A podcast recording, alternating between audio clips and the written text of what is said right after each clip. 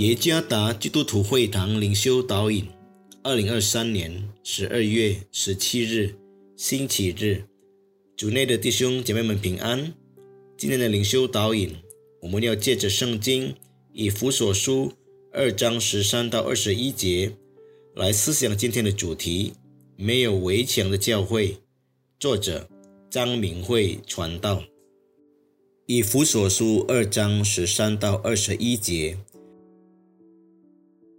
你们从前远离神的人，如今却在基督耶稣里，靠着他的血，已经得亲近了。因他使我们和睦，将两下合而为一，拆毁了中间隔断的墙，而且以自己的身体废掉冤仇，就是那记在律法上的规条，为要将两下借着自己造成一个新人，如此便成就了和睦。既在十字架上灭了冤仇，便借着十字架使两下归为一体，与神和好了，并且来传和平的福音给你们远处的人，也给那近处的人。因为我们两下借着他被一个圣灵所感，得以进到父面前，这样你们不再做外人和客旅，是与圣徒通过，是神家里的人了。并且被建造在使徒和先知的根基上，有基督耶稣自己为房角石，各房靠他联络的合适，渐渐成为主的圣殿。当读到这个主题时，也许我们大多数人都会问：有没有一间没有围墙的教会呢？尽管答案是有的，但这里的墙是一个形容词。众所周知，墙的功能是作为屏障，或将一个房间与另一个房间隔断。同时，这里的教会除了指人们聚集敬拜的地方，就是建筑物以外，还指在敬拜的群体会众。因此，我们可以将没有围墙的教会定义为信徒和尚未相信主的人之间不再有障碍。或分隔的教会或信徒群体。自从人犯罪后，不仅破坏了人与上帝的关系，也破坏了人与人之间的关系。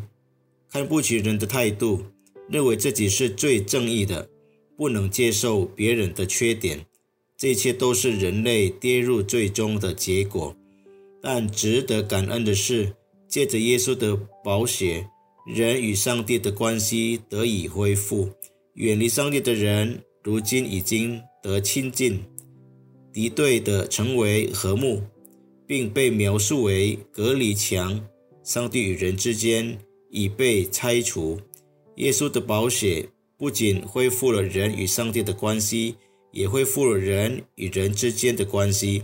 然而，实际上在教会生活中，我们仍然发现许多教会。将个人的种族地位和背景视为我们是否能够接纳他进入我们教会或群体的条件。在第十九节中，保罗清楚地提醒以弗所教会，也提醒我们：我们每个人都是圣徒，都是上帝家庭中的成员。接下来第二十一节，我们被描述为一座排列整齐的房屋。以基督为房角石，这一位置没有任何一个人是更好、更能干、更伟大、更聪明。每个人在基督里都同样宝贵、有价值、有功用。作为已经得恢复与上帝和好的人，在教会或群体中，我们不应该再建造墙、自我封闭、孤立排他、歧视种族。